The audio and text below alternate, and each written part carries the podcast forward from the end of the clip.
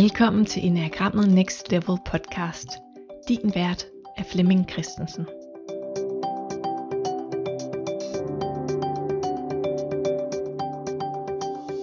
Velkommen til en ny serie, hvor Flemming Christensen interviewer Flemming Enevold om livets mening.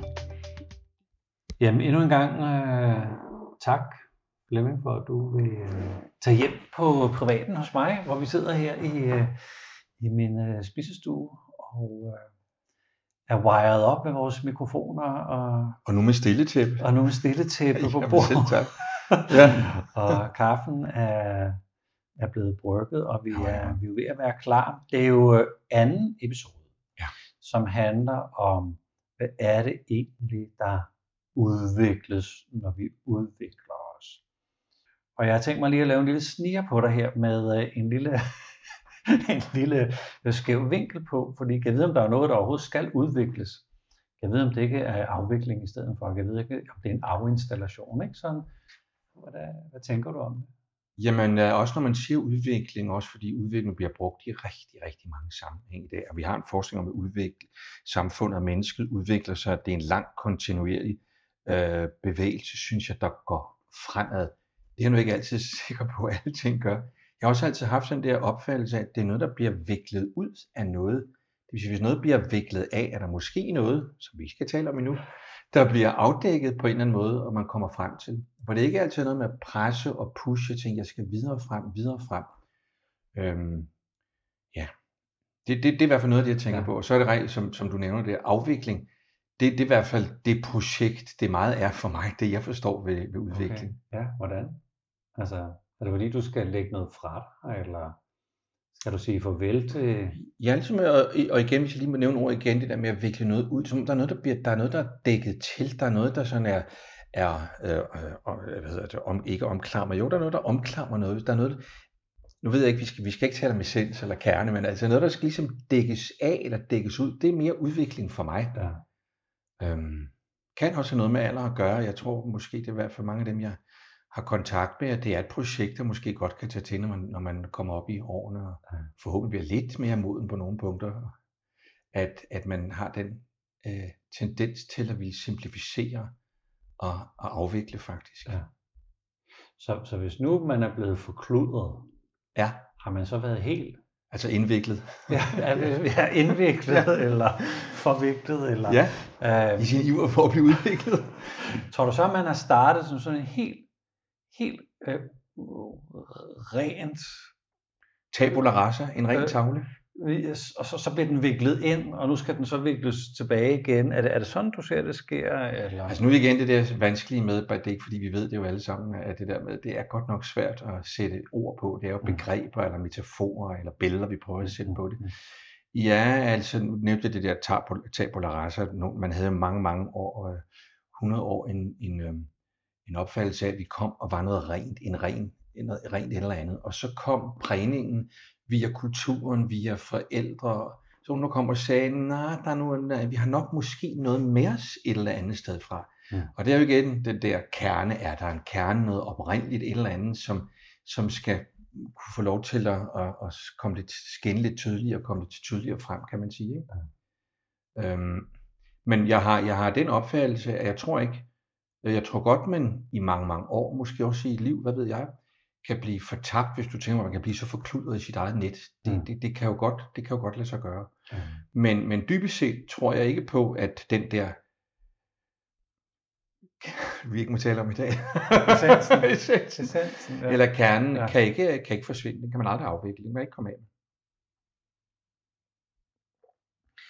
Men, men tror du så, at man, altså i 20'erne, så er man øh, udviklet til 20 point, og i 40'erne, så er man udviklet til 40. Er det bare sådan en, en stigning? At det Nej. Okay. Det tror jeg ikke.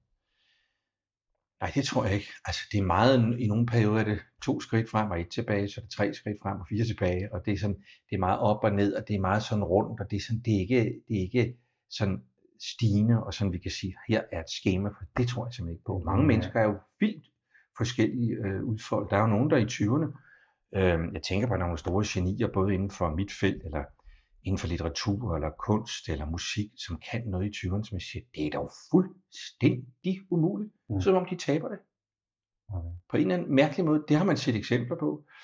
Øhm, og, øhm, Altså ja. nogen, der er sådan er begavet kunstnerisk eller musisk, Ja. eller... og man vil sige om dem, man kan godt bruge det billede. Jeg har da gudskelov mødt nogen, man siger, det er som om, de har adgang til et eller andet, Mm. hvor det bare, det, det kan de bare ligesom øse af, og så ja. vælter det ud af dem. Ja. Og så pludselig bliver det noget andet, det bliver, det bliver besværet, det bliver mm, tænkt måske, øh, fortænkt, jeg ved det ikke. Så jeg synes, det er rigtig svært. Øh, man har jo kun sig selv og det, man har set, øh, og måske også ud fra det har tænkt igennem, at det er en sjov, ikke lineær øh, bevægelse. Ja. Jeg kommer til at tænke på, at jeg for måske 10 år tilbage havde den der lidt arrogante holdning, at hvis folk ikke havde fået nogen tæsk af livet, Ja. og havde lært nogle sådan lærepenge, altså livets skole, så gad jeg sgu ikke rigtig have en samtale med dem, fordi det, der kommer aldrig dybde på tingene. Nej. Øhm, og det har jeg sådan lagt mig. Men det var sådan en iver for at altså gå til stålet med det samme. Ikke? Så stakkels bordame, jeg, jeg så Ja. fik den ud, fordi det var bare durk, durk ind i sjælen, og lad, lad os Ja. se, hvad der, hvad der er derinde. Jo. Øhm, men tænker du sådan, at, at man skal have nogle tæsk i livet for at udvikle sig, eller kan man faktisk godt sådan øh, lidt blidt og, og hengivent øh, øh, øh, tu- tulle, tulle igennem livet? Og, Igen kan jeg kun tale for mig selv. Jeg har da fået nogen på Sinkadusen, skal jeg lige love for, og det har været meget, og jeg tror, øhm, øh, jeg har altså lært, lært mig det der med, at, at det kan godt foregå lidt blidt, Mm, og lidt venligt ligger også i den træning, som, som jeg har øh, øh, gjort i mange år. Øhm, jeg ved det ikke. Jo, jeg ved det godt, men jeg ved ikke rigtig, hvordan jeg skal sige det. skal det gøre ondt at lave personudvikling? Altså skal der være... Nej, ja, i perioder skal det nok. Alt efter hvad du vil og hvor du hen. Det er bare det. Jeg tror også, der findes så mange forskellige former for udvikling. Det, der er en udvikling for et menneske, jeg kan godt gen, genkende lidt, nikke lidt til det, du siger, fordi det har altid været min store interesse, det her felt. Men jeg har lært virkelig at holde af, og nogle gange også beundre at blive, altså at undre mig over mennesker, som jo ikke har, i hvert fald forklarligt, øh, intellektuelt, mentalt, den her holdning om, at man skal udvikle sig, og viden om det, ikke kan beskrive det, ikke kan tale om det, men faktisk er meget, meget interessante mennesker på nogle andre parametre. Jeg har mødt, øh, nu tænker jeg på en bestemt, han er død, han blev 102 år. En simpel bundmand, jeg beundrede ham virkelig meget. Mm. Han, øh, han kunne ikke ligesom sige noget, han havde bare i sin, i sin måde at være på. Han var så jo et hele egnens og sin familie, jo sådan, det var alligevel ham, de kom til, du ved ikke. Og han sagde ikke så meget, men øh, han sagde lige nogle få ord. Den måde, han sagde det på, der var sgu en eller anden visdom, en livsvisdom. Han havde altså aldrig hørt om hverken den ene eller den anden filosof, eller retninger, eller, eller så der er også en vej i livet, hvor, hvor man kan blive moden eller udvikle på en anden måde. Mm. Jeg ved ikke, om det er romantik, men jeg forestiller mig i mange kulturer, hvor det har været hårdt, som specielt i tidligere tider. Der er, jeg, jeg, er bange for, at jeg tror, der tit, ikke altid, men ofte, hænger i hvert fald en livsduelighed sammen med det, og jeg har, har fået nogen over næsen. Mm. Jeg ser mange unge mennesker, som jeg arbejder øh, meget med i dag, som faktisk har det svært, fordi der er ingen, der stiller krav til dem. Der er ikke noget, de skal, og alle fejrer gaden for dem og sørger for dem, og det, det, det bliver det går nok alt sammen sidst. Og det er jo vidunderligt, at vi har sådan et privilegeret system. Ikke? Andre, jeg kender øh, rigtig, rigtig godt, som har haft en tilværelse, som man siger, det der, det er der ingen, der overlever. Men det skal jeg da lige love for. Ja. Ja. Dem, og specielt ham, jeg, jeg tænker Ja, på, det, ja. det, er jo, det er jo helt vildt altså. Ja, ja. Så det er jo et stort og et vanskeligt øh, Ja. spørgsmål sådan lige at besvare. Det er altid nemmere, synes jeg, på en måde at sige, hvordan man selv har haft det. Ikke? Ja. Og jeg har personligt haft nogle udfordringer, både nogle ydre udfordringer, og i særdeles også nogle indre øh, udfordringer. Og det synes jeg var svært i mange, mange år. Og nu ser jeg det mere som om, at, at det, jeg er blevet glad for, der hvor jeg har fundet min vej og min mening i tilværelsen, det havde jeg ikke gjort, hvis jeg ikke havde haft det der. Ja. De udfordringer, den modstand. Og så har jeg også haft noget, fordi jeg har været med til fra hvor, næsten været med der fra hvor New Age, det var altså blev født. Ja. Og det var fantastisk og vidunderligt nyt, men der var godt nok også meget, man lige skulle tænke sig over at passe på. Okay, hvordan? Der, jamen, der var jo, altså, alle ville jo, altså, jeg kan huske, når der meditation og de der tankegang, så læste folk en halv bog og gik på et halvt kursus, så, så holdt de selv kurser, og så var de, de ville jo helst starte med at være, øh, være oplyste. Øh, den, den tror jeg ikke helt på. Altså, jeg, har, jeg har den opfattelse, det kan altså godt tage noget tid. Det er Ja. ja. virkelig et tålmodighedsprojekt. Ja, Ikke? ja. øh, og, og, og noget, der kræver vedholdenhed. Det gør alt, efter min begreb og min måde i livet på, øh, de ting, man vil lære rigtigt, det tager faktisk lang tid. Man kan have talent for det, og det går hurtigt for nogen for andre, men det kræver noget tid. Og, øh, ja, og den der vedholdenhed med at blive ved, altså noget af det, jeg oplevede dengang, det var, at der blev det så let, og så rosenrødt, og så bare vi sad og havde det skide godt og chantede, og noget lys og tog nogle kæder på, så var vi faktisk, øh, så var vi faktisk der, hvor vi skulle være. Jeg kan huske en gang, jeg øh, øh, mødtes Dalai Lama, og så var vi nogle, nogle stykker, der skulle meditere sammen med ham. Og der var nogen, der ikke havde den, den store erfaring, og nogen, der var gået på deres eget trip der. Og så satte vi altså, og, og så, så fik vi nogle anvisninger, vi satte os ned, så begyndte vi så, no, no, no, stop it, sagde han. Don't look holy. It's much too early. det synes jeg simpelthen var så fantastisk. Det er helt vildt med. Genialt. Ja, det er faktisk genialt. Ikke? Genialt. Og der må jeg sige på den måde, at det er jo ikke fordi, det skal være hårdt, at det skal koste, men det tror jeg, det kommer til ind imellem. Men også det der med, hvis man sådan tænker jungian, som jeg har været meget inspireret af, øh, og synes, det, det er en meget begavet måde at se, at se det ud fra, fra, det, fra hans øh, øh, måde at se det på, dybdepsykologien og den analytiske psykologi, og specielt alt hans, øh, altså hans arketypiske øh, måde at se tingene på, og den måde, han bruger myter på og sådan noget, at, øh, at man, i det arbejde skal man passe på ikke at glemme skyggen, mm. som lige præcis der, hvor det bliver rigtig svært for en selv. Ja.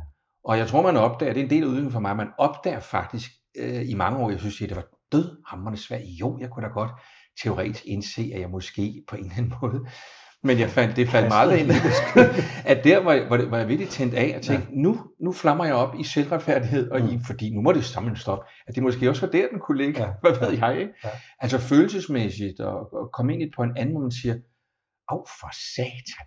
Ja.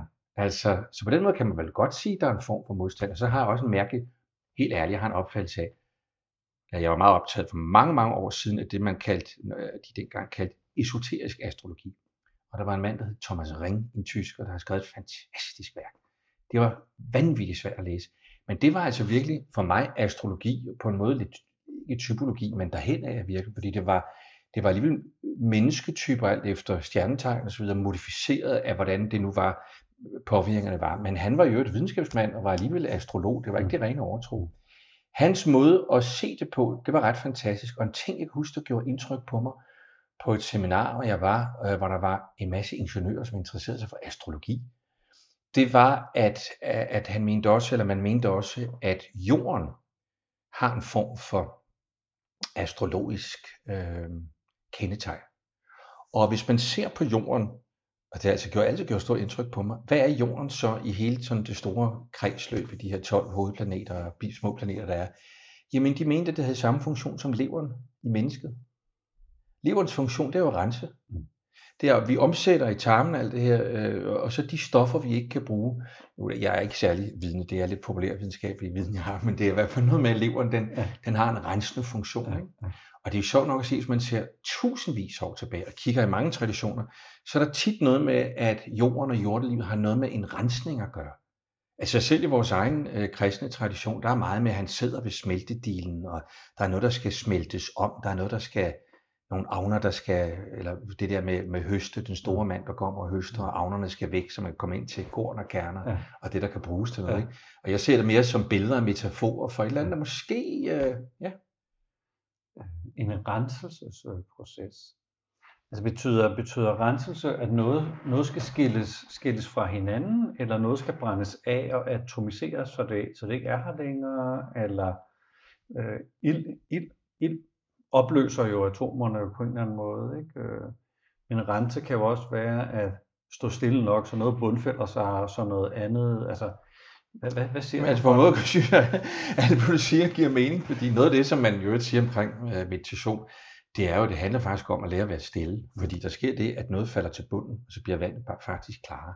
Så er det også, hvis vi sidder og står og rører rundt i noget beskidt vand med en pind, og tænker, kom nu for fanden, så bliver det ved med at være uklart. Hvis vi vil op med at rave rundt i det, så er der noget, der falder til bunds. Ja. Så det der billede er for mig et meget godt billede på, at der er noget, der, at der, er noget, der ligesom øh, falder til bunds. Ikke? Øh, og så, så bliver vandet klart. Så det billede kan man godt bruge, men det med ilden, det er også et meget godt billede. ja, okay. Øh, altså, hmm. jeg ved ikke, om jeg kan sige det præcist i ord. Men det er jo et, et højtidligt gammelt ord. Jeg kan enormt godt lide ordet lutringsproces. Oh. Det er et gammeldags og et gammelt ord, ikke? og det kan nemt blive sådan med nogle moralske øh, undertoner, men det er ikke sådan, det er jo ikke sådan, jeg tænker, en lutringsproces. Vil, det ikke, vil det gå ondt på mennesket, hvis mennesket var i en lutringproces? Jo. Det, er der ikke syre i det og sådan noget? Nej, lutring er jo tit noget med, øh, også med, med de gamle alkymister, noget man sådan, at man med ild og sådan noget, øh, brænder noget væk, og pludselig, uh, så var der noget guld der. Ja, ja, okay. Eller der sker nogle, nogle forvandlingsprocesser. De har brugt sådan meget metamorfo, metamorfoiske, hedder det det? det metamorfose, altså eller der, hvor grundstoffer pludselig ændrer form, som du ja, selv var inde på ja, før, og de tungeste ting falder væk. Hmm. Der var jo hele den der legende eller tanke om, at dem, der efter, sådan som jeg har forstået det, ikke havde forstået skid af det, troede, de var nogle materialistiske, grådige mennesker, der sad og ville udvikle guld af ingenting. Men det var en slags åndelig proces, hvor det handlede om at forvandle noget til noget andet, så det blev til guld ja, i metaforisk ja, forstand. Ikke? Ja, ja. Altså jeg kommer til at tænke på en gut, øh, jeg mødte i, øh, i Argentina for nogle år tilbage, som, øh, som forklarede mig en proces, som jeg desværre ikke kan huske navnet på, men som, som går ud på, at, at når man sætter to ting sammen, så aner man ikke, hvad der kommer ud af det. Altså hvis man sætter øh, H og øh, øh, O sammen, måske øh, to H'er og et enkelt O sammen, hvordan skulle man nogensinde gætte til, at det bliver til vand? Altså, det, det, det vil man aldrig have fantasi Nej. til. Så, så det, det lyder også lidt som om, du taler om, at, at det der udvikling, der, der kan simpelthen blive sat noget sammen, eller brændt noget fra, og man har ingen chance i livet for at designe det, planlægge det, forestille dig. Det er noget helt, det, det er jeg helt enig med dig. Ja, det er noget meget, ja. Og det er jo det også sådan for mig dybere, jeg forstår som dybere udvikling går ud på, det er, at man begynder virkelig at forstå og fatte, at man kan intet planlægge. Det er en mm. hengivelse til noget, som er uplanlagt og som er ukontrollerbart. Og det er ret, ret svært for os mennesker. Ja. Men øh, det giver bare øh, friere processer. Jeg har altid lært den tradition, jeg arbejder i snart mange, mange år og, og lært i, at der er forskellige områder, jo, man kan udvikle. Og det er ikke for at begynde at tale om fordybelse eller meditation, men øh, det må vi gerne man, må, man kan gøre sig klart, om man i virkeligheden gør det for at få et velbefindende for sig selv. Øh, man kan meditere for at sige, jeg har det dejligt, og jeg er fri, og jeg har det godt, og det er jo, et, det er jo fint. Så kan man gøre det, fordi man gerne vil have en større selvindsigt. Altså man, man overflytter psykologien, kunne man sige, eller det som nogen kalder øh, rensningen af de biografiske spor, eller klargøringen på en eller anden måde øh, gennem nogle meditative processer, så man rent faktisk bliver konfronteret med nogle dybere liggende ting inde i en selv, som tit foregår på drømmeplan eller på ubevidst materiale, der volder op, og det er jo enormt svært, og hvad skal man sige, fordi det er ikke sådan lige at tale om og lige sådan forstå, det kræver, det kræver en musikalitet og noget andet, ja. end bare sådan lige at ville pinde det ned og forklare det.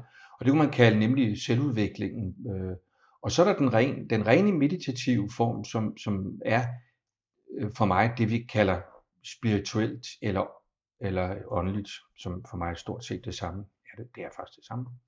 At det, det er en tredje retning, som jo i den grad handler om at øh, få kontakt med noget, hvor egoet bliver relativeret, og man rent faktisk finder ind til noget, som ikke bare er en moral, en overbevisning, eller som en af vores øh, pragtfulde lærer tit sagde, man, man skal passe på ikke at gøre øh, sine bedste øjeblikke til ens religion.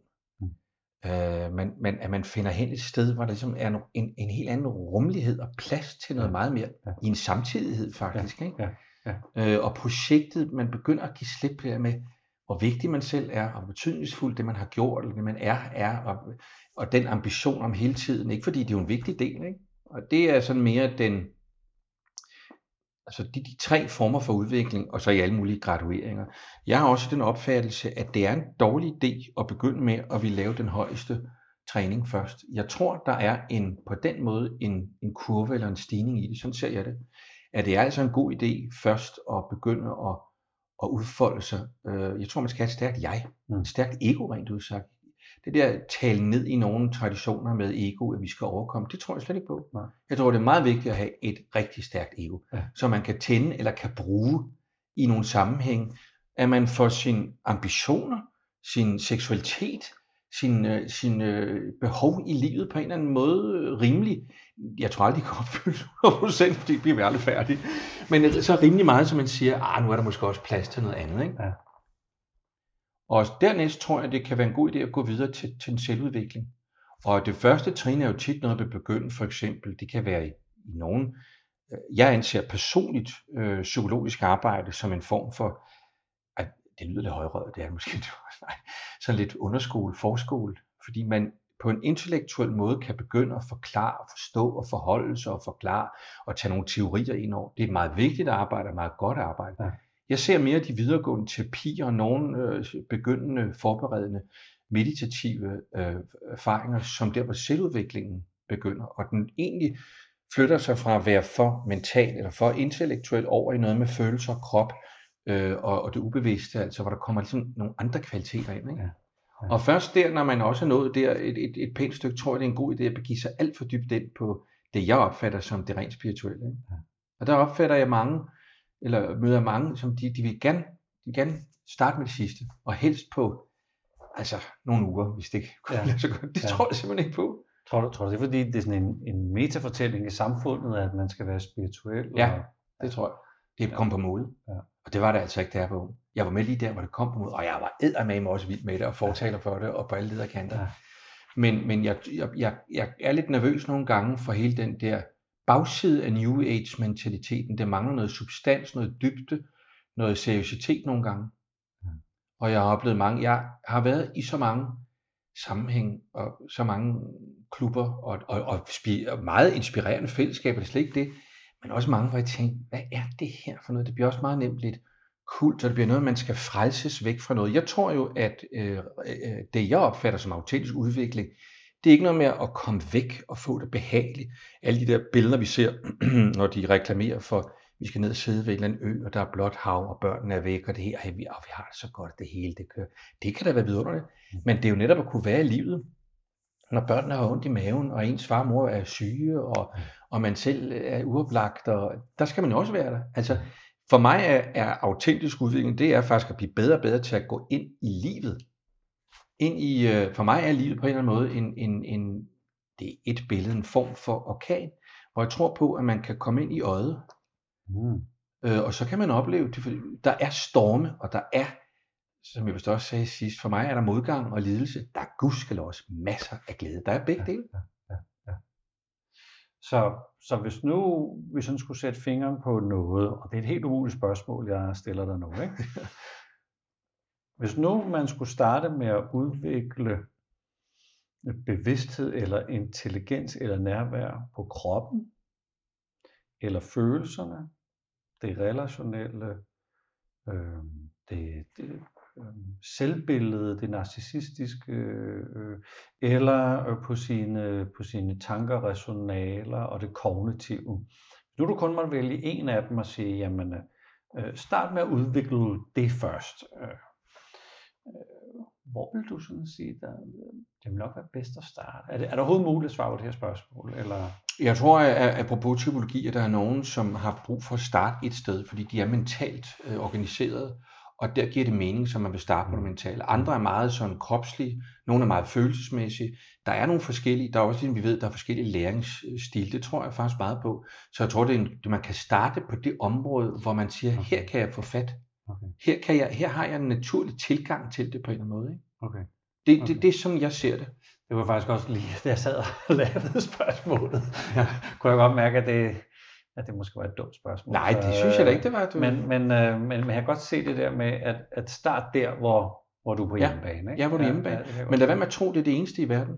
Ja. Og det er jo tit godt for, hvis man er meget mental øh, og har meget brug for teori og den form for kontrol, der kan ligge Ja, man tror, ja. man kan beskrive og forstå verden, sige, så kan man på et tidspunkt sige, okay, jeg har nok brug for noget, der kunne være modsatrettet. Der vil jeg jo nok sige, prøv en gang at gå i gang med dine følelser og din krop. Mm. Prøv at arbejde med, med følelserne. Nu sagde du noget om, det er nok ikke det, du mener, du siger, hvis vi skal udvikle bevidsthed. Altså bevidsthed er noget, vi har. Det kan, vi kan ikke komme væk fra det, altså vi har det. Ja. Men det er rigtigt nok, at der kan, man kan godt opdage. Der, der, det, det gemmer vi til sidste afsnit der. Det, det er sådan et uh, særafsnit, Ja. ja. der, der ja. lægger vi alle de spændende Ja. ting. ned. Ja. Ja. Men ved at rette opmærksomhedens lys mod krop og følelse for eksempel, øh, så vil mange mennesker, der er meget mentalt orienteret, føler den ro eller glæde eller kontrol, det kan have, øh, kan jo godt begynde at få en masse uro og sige, det var da ubehageligt. Ja. Sikkert der mange følelser, sikkert der hele tiden skifter, og ja. det var da utroligt ja. mærkeligt, ikke? Ja. Men det tror jeg meget godt at begynde at sige, der er, der er nogle andre vigtige ting. Så jeg vil nok til udgangspunkt og gå ind i det. Der omvendt vil jeg sige, mennesker, som er meget følelsesmæssige, hvor man siger, det kunne også blive det rigeligt nogle gange. følelser og hele tiden krop og sådan noget, sige, øh, prøv en gang at også få den mentale del med, fordi det er også en vigtig del. Ikke? Man kan sige, at hvis man arbejder med chakrasystemet, øh, som er en referenceramme, og som er god for nogen og ikke for andre, øh, så kommer man faktisk igennem det hele. Fordi de emotionelle øh, og de altså dybt primitive, dejlige biologiske sider, og så bliver det mere mentalt, og hjertet det hele, eller i, i midten af det hele tiden, så hjertet, som på en måde ligesom skulle prøve at kan indeholde både den øverste del, så det ikke bliver for intellektuelt og for mentalt, men heller ikke bliver for primitivt og for...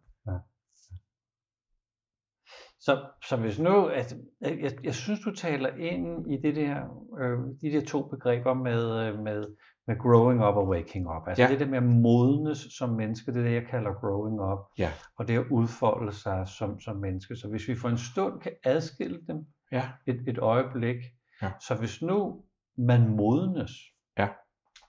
hvad er det så, man modner? Det er jo den samme metafor, og hvis man så ser noget, kernen, hvad vi nu kalder det, ja. som en form for øh, noget, der skal frigives, noget, der skal fra, så det kan modtage lys og varme, og så det kan begynde at vokse og sådan noget. Ikke? Så ligger modningen vel i, jamen det for mig er det nok en afskrælningsproces. Så det der, der skal vokse, det faktisk bliver blotlagt. Nu kan det begynde at vokse. Ja. Det frø, eller hvad man skal sige. Ikke? Øhm, øhm, hvad er det, der skal altså, modnes? Altså, i, I naturen, nu, nu hvor lige siger frø, ja. så ser jeg sådan et billede for mig, at man lægger en avocadosten i en eller anden ja, spiringsproces, ikke? ikke? Og så øh, over et par uger, ikke? Ja. Og så kommer der sådan en lille, en lille rod ud, der skal, der skal finde, finde ja. feste. Ja. Øh, Men den er jo, der, det er jo, der må være dig være avocado eller være kartoffel, fordi ved, de har ikke andet formål, de ved lige, hvad de skal. og det er jo det med menneske, vi har jo 117 formål, før vi når frem til... Nå, det synes du? Ja, det synes jeg. Før vi når frem til, om det måske også kunne være vigtigt med noget growing. okay. Øh, ja, altså vi har jo mange, øh, vi har jo mange, vi, vi har mange muligheder, vi har mange retninger. Jamen, er der egentlig ikke kun det der med, at vi skal parre os, og der skal komme noget ud af det, og generne skal gå videre? Er det ikke? Er det, ikke? det er det rent biologiske, jo. Det er det rent fysiske, biologiske. Ikke? Og hvad kunne der så ellers være? Jamen, mennesker har jo alt efter, hvad for en tradition, hvor man vil pege hen på. Vi har jo et sjæl, en sjæl, et sind. Mm. Mm. Vi har noget andet, nogle andre kvaliteter. Vi har også en bevidsthed, efter min opfattelse, som dyr ikke har, som planter ikke har. Mm. Mennesket har noget, noget andet. Der er noget, en gnist af noget inde i os, som, som er noget andet. Okay. Og den er en gave og vidunderlig for os, og en satans forbandelse. og det gør, at vi ikke engang, øh, det kan, det kan vi forstyrre vores, for, vores forplantning. Vi kan forplumre for alting, selv forplantningen. okay. Altså vi kan jo faktisk lave rigtig meget ballade med det der, fordi vi så ikke tænker, men fortænker, ikke? Okay. okay. Men bliver det så til et formål? Altså, at, at finde gnisten, eller sætte lys på det væsentlige? Eller... Jamen, det ved jeg ikke, om det er for alle mennesker. For mig er det er det. Er det, det. Altså, jeg har altid brugt øh, tid på at sige, kan jeg vide, om det er en gammel romantisk idé, man har et formål eller et kald. Men jeg tror, man har et kald. Og hvad er det et kald? Men det kan jo være mange, mange forskellige ting. Der er nogen, der ikke er, der har nogle helt andre ting. De har en eller anden, noget, der kalder på dem, så kan ja. man vel godt sige det. Ja, ja. Øh, det har jeg altid troet på. Øh, og, og det at, at, at, altså at, at, at, at uh, kunne få, der er mange, der siger, jeg, har ikke fået, jeg kan ikke få et kald, og jeg går til alt muligt, og jeg gør, og jeg søger alt muligt, jeg går til alle kurser og sådan noget. Jeg siger, hvad med at holde din kæft og lytte? det er jo det der med at sige, du kan jo ikke høre noget, hvis ikke du tiger stille. Ja. Men det er også det allersværeste. Ja. Det du bliver kaldt på hele tiden. Ja, man bliver kaldt på hele tiden. Ja. man sige, men hvis man taler om kaldet, et livskald eller en vej, så tror jeg måske, at man godt kan graduere og sige, så kræver det, kræver det mere lytten. Mm. Øh, og det er faktisk den, igen for at tage en meditation, det er jo den lytten, man kan gøre mere og mere øh, sub, hvad hedder sådan noget, øh, øh, mere og mere forfinet, udvikle mere og mere, og så man til sidst når derhen, hvor man faktisk tiger stille. Og så kan man måske høre noget andet. høre, det kan så være med ører, men det kan fornemme, mærke eller noget andet, sige, nå, gud. Og det er jo det, altså, jeg skal nok, altså, jeg bliver ikke til at stoppe, når vi når til sidste afsnit, fordi det er ligesom det, der, der, der optager mig rigtig, rigtig meget, ikke? Ja. Og for også fordi det er blevet så konkret for mig. Men det handler jo meget om det der med at lytte, og hvad så der sker, når man, når man siger helt stille, og man så lytter. Og så er det som om, så er man jo for mig nået frem til et sted, hvor, hvor udviklingen har ført en frem til at give slip på alt det, man havde lært. Man taler jo om, om, øh, om øh, nogen gør, jeg synes det er fascinerende, om, om øh, præsproglig, postsproglig og præsproglig bevidsthed. Altså der er mange, der siger, du ved, når man kigger ind i et barns øjne, jeg elsker børn. Mm. At det, og, og små børn, jeg kan ved, jeg kan, når jeg går forbi på gaden til nogle unge mennesker, der er helt forelskede, jeg synes, det er simpelthen så livsbekræftende børn, men uanset hvor mærkelig jeg synes, verden er, og hvor negativ jeg måske kan være nogle gange, så tænker jeg, det der, det er bare ren livsbekræftelse. Og kigger man ind i et lille barns øjne, som i øvrigt er en træning, man har i mange øh, systemer, også Jung, og jeg tror også, det er Gurdjieff, det er det, man kigger på spædbørn og små, som en helt nye sjæle. Der er jo en åbenhed, som øh, minder meget om det, buddhisterne i forskellige retninger forklarer som fuldstændig open mind, fuldstændig sådan her. Og der er jo ikke noget sprog, de kan ikke sige, det kan jeg ikke lide. Man kan godt se på deres ansigt, der er nogle sådan fluktueringer, noget der bliver opfattet. Nogle siger, så er der ikke så meget bevidsthed. Den tror jeg altså ikke på, men der er i hvert fald en åben bevidsthed. Problemet er bare, at de ved det jo ikke selv. Så kommer man skal igennem det her liv, hvor man så bliver meget sproglig, og, og der er noget, man lukker ud og lukker af, og så bliver man sådan i alle de aldre og faser, vi går igennem, og forskelligt fra land til land, til fra familie til familie. Der er millioner af milliarder af forskellige små, mærkelige, finurlige veje, vi kan gå. Ikke? Men så tror jeg på, at man kan nå et sted, hvor man ligesom tiger igen. Man har været igennem det der land, nu tiger man igen, og så kan man blive usproglig igen. Og nu er man så ikke øh, førsproglig, men eftersproglig. Så det er eftersproget. Aha. Og det kunne ikke lade sig gøre. Den bevidsthed, den fordybelse, det man kan komme ind i, i de lag, det kunne ikke lade sig gøre, hvis ikke man havde været igennem den der. Så man bliver lydhør over for et eller andet. Ja, det er den mulighed, der er. Altså jeg kommer lige til at tænke på, altså du har jo levet af kunst øh, øh, hele dit liv. Øh. Hvad er det, man skal være lydhør overfor, når man spiller teater eller synger? Eller hvad, hvad, er det lidt det samme, at du skal, du skal tige stille for at kunne høre det, der skal... Altså, der er mange forskellige opfattelser igen af det her, og der er jo nogen, der gør det på en måde, jeg gør det på en anden måde. Det er altid fra at have været ung, øh, og jeg åbnede min mund. Jeg var meget generet og kunne ikke lide at synge, og så var jeg i skole, og jeg var sådan en meget, meget speciel elev. Og så skulle vi synge, og det, det ville jeg ikke være for generet, for, for generet. Og så sang jeg, pludselig kom jeg til at synge, hvor de andre ikke, altså noget, jeg, ved ikke, jeg startede for tidligt. Så gjorde de alle sammen sådan og kiggede over på mig. Og jeg blev helt sådan forpustet, men, og meget generet. Men jeg kunne godt selv høre, at det skabte en eller anden stemning af rørelse, mener jeg ikke, de sad og græd, men altså, der var en rørelse over, over det der, fordi der var ikke en anden åbenbart i min stemme, det var noget medfødt, som, som rørte andre mennesker. Og, øh, og senere, da jeg kom til at spille teater i, i skolen, jeg ville ikke være med. Jeg må have været ret overlegen, fordi jeg synes, de andre var så dårlige. Det er frygteligt at sige, sådan var det altså. Men så kom jeg jo lige med, sådan, ikke? Og, og var sådan lidt... Øh, og den der fornemmelse af, altså, jeg, min oplevelse var rent ud sagt, at jeg skiftede, jeg skiftede personlighed. Så på, jeg, jeg havde et ret øh, besværligt liv. Øh, så på en måde, det at være en anden menneske var altid for mig. Jeg kunne være en anden. Jeg kunne faktisk være nogen. Jeg følte ikke, jeg var nogen som mig selv. Men jeg kunne være en anden ved at påtage mig en karakter. Øh, og, og det var, det var en befrielse på en måde. Fantastisk at spille ja, en anden. Og ja. man, man dyrker meget en persona. Øh, og jeg synes som skuespiller, jeg er ikke sådan der dyrker min egen persona. Jeg har altid været glad for, hvis jeg kan finde en rolle, finde en karakter. Så kan jeg være helt fri og åben. Hvis jeg skal være mig selv, det bryder mig bestemt ikke om. Mm. Det er der andre, der synes jeg altid, men så er vi forskellige. Ja, ja. Så og jeg har altid søgt, når jeg læser et stykke, så lytter jeg til, hvad, hvad er det, det kan, og hvad er det, det vil.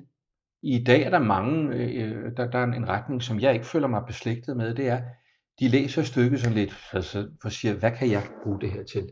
Hvad kan jeg, øh, hvordan kan jeg lave det om og gøre noget, jeg vil sige? Det kan man godt gøre, hvis man først har lyttet til, til, til værket. Så det handler om at lytte.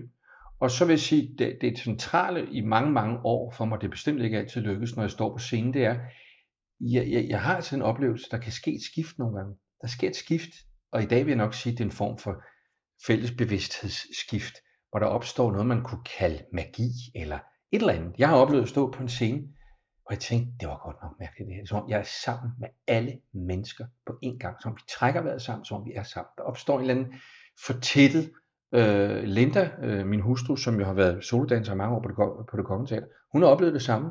En gang, hvor hun havde danset tre balletter, og skulle danse den sidste, fordi hende, der skulle danse det sidste, de havde tre balletter på en aften. Hun var syg, så måtte Linda tage den, og hun var så udmattet, så hun græd af overanstrengelse, hun gjorde det. Og midt i den udmattelse, der oplevede hun at transcendere. Mm. Så det, der er noget transcenderende for mig ved kunst, både for mig selv, men også, det er det, jeg stræber efter, det er også at gøre det for andre. Ja. Og hvad lytter du efter det? Er, er det den samme lytte, lytteteknik, som når du kommer i kontakt med stillheden, så du bliver... Ja, det er noget af det samme. Og det mærkelige er, det er jo, det er jo ikke at lytte. Øh, det er bare at lytte. Det er ikke andet lytten. Det er lytten. Øh, man kan også godt kalde det åbenhed. Det er at, være, det er at gøre sig selv blank, åben, dum. Der er en fantastisk mystiker, jeg kommer til at tænke på, Johannes og Korset, fordi jeg vist nævnte okay. sidst, ja. at der, der er lige så mange øh, fordybelsespraksiser, og de mener vildt meget om hinanden. Det har optaget mig det senere år, i alle mulige traditioner, også i vores egne. Og han har skrevet et værk, øh, nej det er ikke ham, nu siger jeg noget vrøvl, fordi jeg tror ikke, man ved, hvem det er, der er ophavsmand. Det hedder Uvidenhedens sky. Okay. Og det handler om, at hvis du kan bringe dig selv i uvidenhed, total uvidenhed, og kun undre dig, eller kun lytte, så, så er der noget, der åbner sig. Okay. Det lyder også lidt som om at, at, være, at gøre sig påvirkelig. Eller modtagelig, eller ja. tilgængelig måske. Ja. Ja.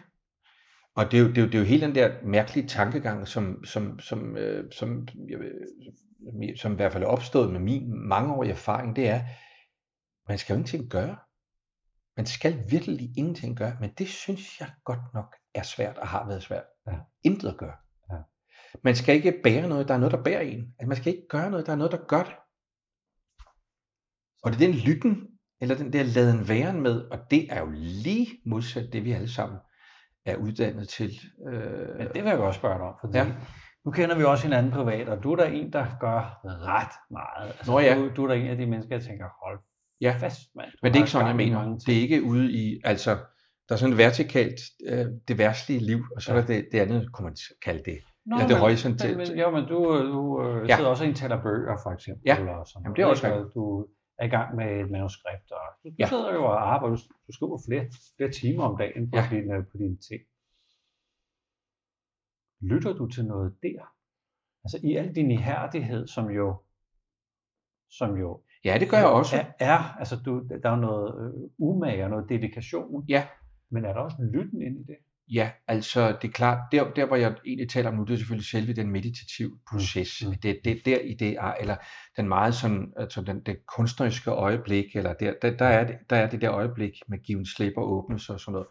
Men jeg bilder mig ind efterhånden, som man gør det, så er det i hvert fald mit øh, mål på en måde, at få mere og mere af det med ud i den almindelige tilværelse. Så på en måde har man altid en eller anden form for øh, kontakt, øh, tillid til det der øh, sted, hvor man ikke behøver gøre noget, eller finde på noget, eller hvad skal man sige. Ja. Men jeg kan da ligesom alle andre, øh, og jeg er, altså man, man, man taler specielt, da, da hele mindfulness-bølgen blev udviklet, af ham den vidunderlige vietnamesiske munk, der hedder Thich Nhat Hanh, og så en kanadisk øh, videnskabsmand, biolog, øh, Jon Kabat-Zinn. Det var egentlig dem, der satte gang i hele den der mindfulness-bølge, og det var meget øh, en hjælp til mennesker, der led af depression og sad fast på en måde. Så vi lavede sådan et, jeg tror, der er 12 ugers program, som er ret fantastisk. Øh, og der taler han, Thich Nhat Hanh, han talte jo meget om being mode, mode og doing mode. Mm. Og jeg tror i hvert fald, jeg har i hvert fald behov for, jeg tror at rigtig mange mennesker vil have behov for, ikke kun at være i doing mode, men også at være i being mode. Og for mig befrugter de to ting hinanden. Jeg har altid lært, at det der med at gå ud i livet og være aktiv, og så gå tilbage i sin praksis for eksempel, det er den mm. vekselvirkning. Det er den, der gør hele forskellen. Ja. Ja. Det, det er, den vekselvirkning er simpelthen så givende på en eller anden måde. Ikke? Ja. Så jeg ved jo for eksempel, når jeg øh, øh, passer meditation, så jeg har masser af overskud af idéer og kræfter til at gå ud og det, der hedder virketrang, virkelyst, ja. ja. lyst ja. til det. Ja. Ja. Ja. Om det er at lave mad, eller det er at passe børnebørn, eller om det er at, at gøre noget med min hus, elskede hustru, min familie, eller få nye idéer og projekter, sådan noget, det er sådan set ligegyldigt. Men, men så slår det mig lige det her med at lave mad. Ja. det, det, det nyder jeg jo så også, det nyder jeg så også øh, stort på, når du har været i køkkenet øh, dage før, natten før, hele formiddagen til, til en stor frokost.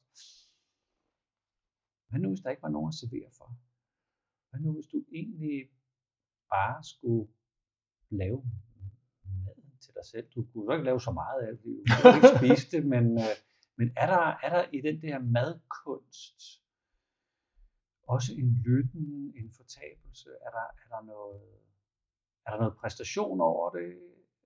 Er der noget, noget lytten? Altså, altså på en måde, jeg, jeg, for mig tror jeg, der er det hele. Nej, hvis jeg var alene, så ville jeg ikke lave mad på den måde. Mm.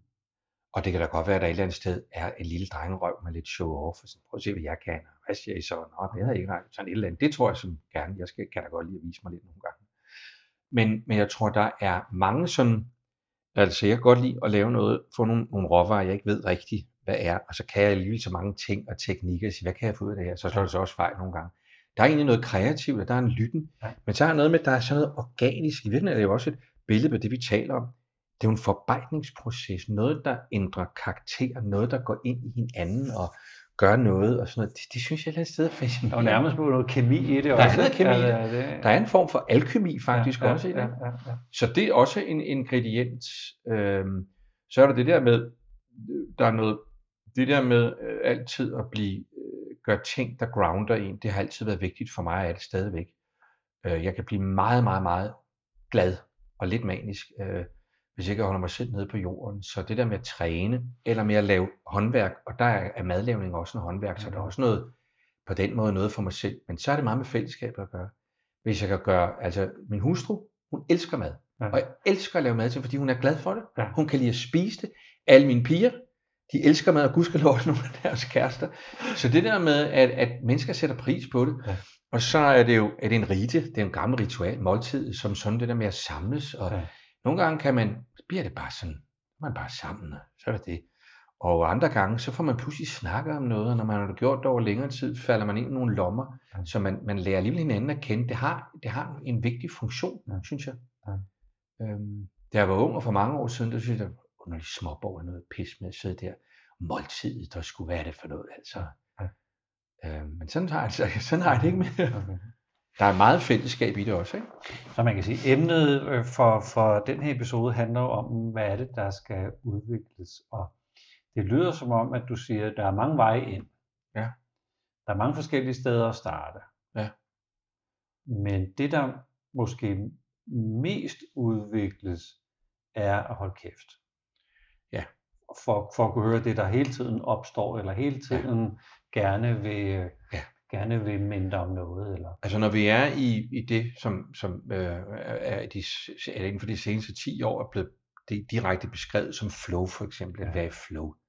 At være inspireret, altså når man som skuespiller står, og man ikke siger, nu gør jeg mig ikke umage, det er som om, der er noget, der, er noget, der gør sig. Det er fantastisk altså, ja. ikke? Ja. Det tror jeg, mennesker kan mærke i alle mulige sammenhænge. Det, det, det er for mig en rejse hen mod noget, som jeg opfatter som bedre, end man skal gøre sig umage og gøre det meget besværligt for en selv og alle andre hele tiden. Ja. Øhm, men, men alligevel man er jo nødt til at gøre sig umage for, at, at man når derhen til, hvor man ikke skal gøre sig umage. Ja. Ja. ja, det er, der er mange veje ind i det, og der er mange måder at beskrive det på. Men at der er for det enkelte menneske en eller anden form for forvandlings- og forandringsproces, det er jeg ret sikker på. Alene det rent biologiske med, at aldrene og de udfordringer, der kommer, personligt og rent fysiologisk og arbejdsmæssigt. Der er jo nogle alder, det kan vi jo ikke løbe fra. Det kan vi jo ikke løbe fra. Mm. Altså, det er jo nogle udfordringer, nogle livsskift, ikke? Mm. Selvom i dag er der måske en tendens til, selv når man er oppe i min efterhånden fremskredende alder, altså man egentlig gerne, synes man selv lidt, man er ligesom, da man var i slutningen af 30'erne og i starten af 40'erne, ikke? Det, det er altså noget pis, mm. at, man ikke, at, man ikke, at man ikke kan stå ved den alder, man har, ikke? Så der er jo også en, på den måde kan man sige, en, en nogle aldre med nogle udfordringer. For eksempel også det, man mister. Mm. Øh, det kan være også ens førlighed, ens sundhed. Man har ikke de kræfter, man mister venner og sådan noget. Ikke? Det giver jo livet et perspektiv, øh, som vi håndterer på mange forskellige måder, men det er også en del af, af udviklingsprocessen. Ikke? Men jeg synes, det, øh, det jeg har set af alle de mennesker, jeg har kendt, og øh, de år, hvor jeg tænkte, jamen alle mennesker skal bare interessere sig for det samme, som jeg gør, for det er vel nok spændende. Men det er der altså mange mennesker, der ikke gør. Og der er faktisk også nogen, der ikke interesserer sig for det, som har nogle utrolig interessante liv, og som udvikler sig på en anden måde. Ja. Ja. Jamen, så har jeg lige sådan en, et afrundingsspørgsmål Gud, til er vi, nu, er, vi, er vi allerede nået det? ja, vi er faktisk kommet i, øh, i afrunding. Okay. Og det kan være, at det er et meget stort spørgsmål, som, som kan tage lidt tid, men jeg synes, det er et godt spørgsmål. Ja. Hvad skal livet bruge dig til?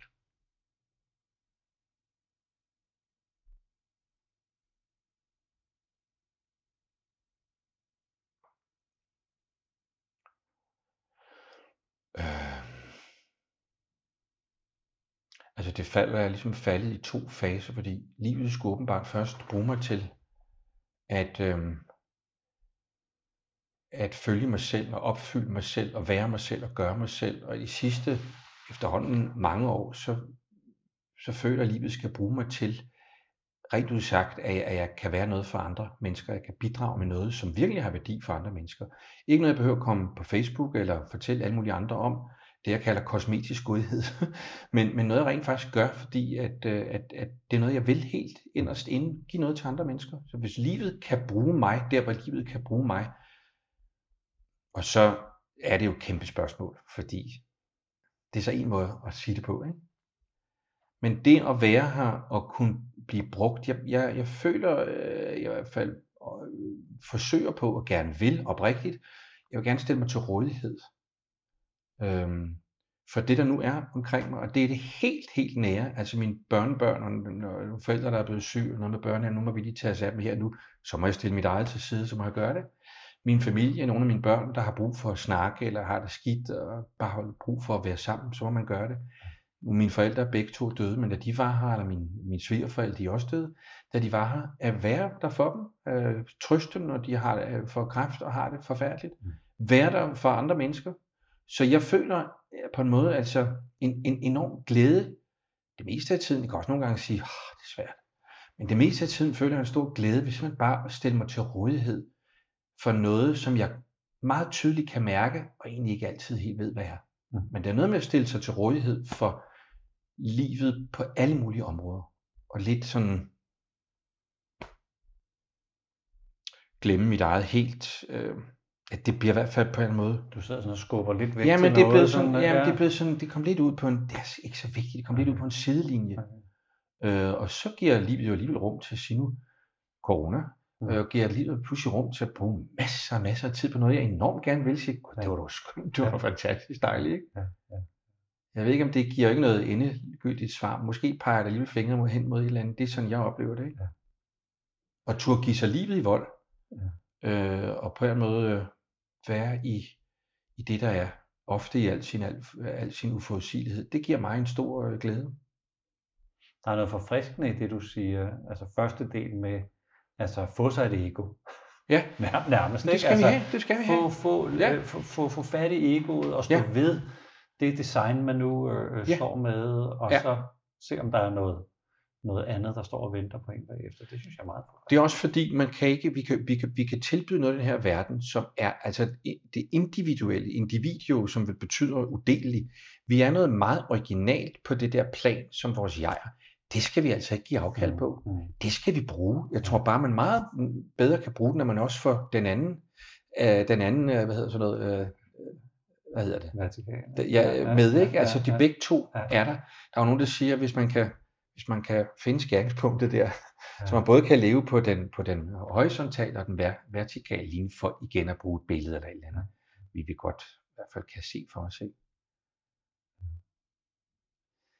Flemming, tusind tak for, øh, for, for den her samtale i den her anden episode. Det, der står og venter på os på den tredje, som vi jo har masser af iver på også at komme over til, det er essensen, hvad er det for en størrelse. Og den fjerde handler lidt om Nå, hvis nu vi skal være praktiske, og måske har vi allerede aftalt en femte, hvor alt det, alt det vi ikke når, det lægger, vi, op. Ja, det ja. lægger vi derude. Ja. Så, men tusind tak skal du have for at have lyst til at dele liv og sjæl i vores samtaler. Tak skal du have. Selv tak. Fornøjelse.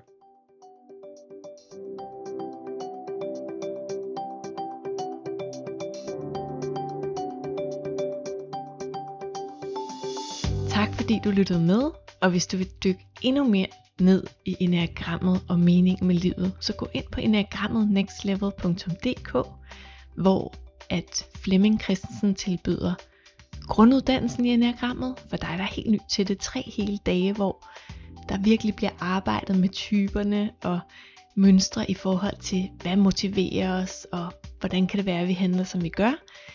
Der er online uddannelsen med en stor uddannelse for dig, der kender noget til enagrammet og vil tage det endnu videre til det næste niveau. Det er 12 uger med en masse undervisning online, både på Zoom, men også noget video og lydfiler og arbejdsakter allerede ligger klar. Det er til dig, der gerne vil have et personligt gennembrud og er klar til at bruge tid på det i din hverdag. Og derefter tilbydes der practitioner og autorisationsuddannelsen for dig, der gerne vil arbejde professionelt med enagrammet. Så gå ind og kig på enagrammet nextlevel.dk og se om der er noget, der passer til dig og hvor du er i dit liv. Rigtig god fornøjelse.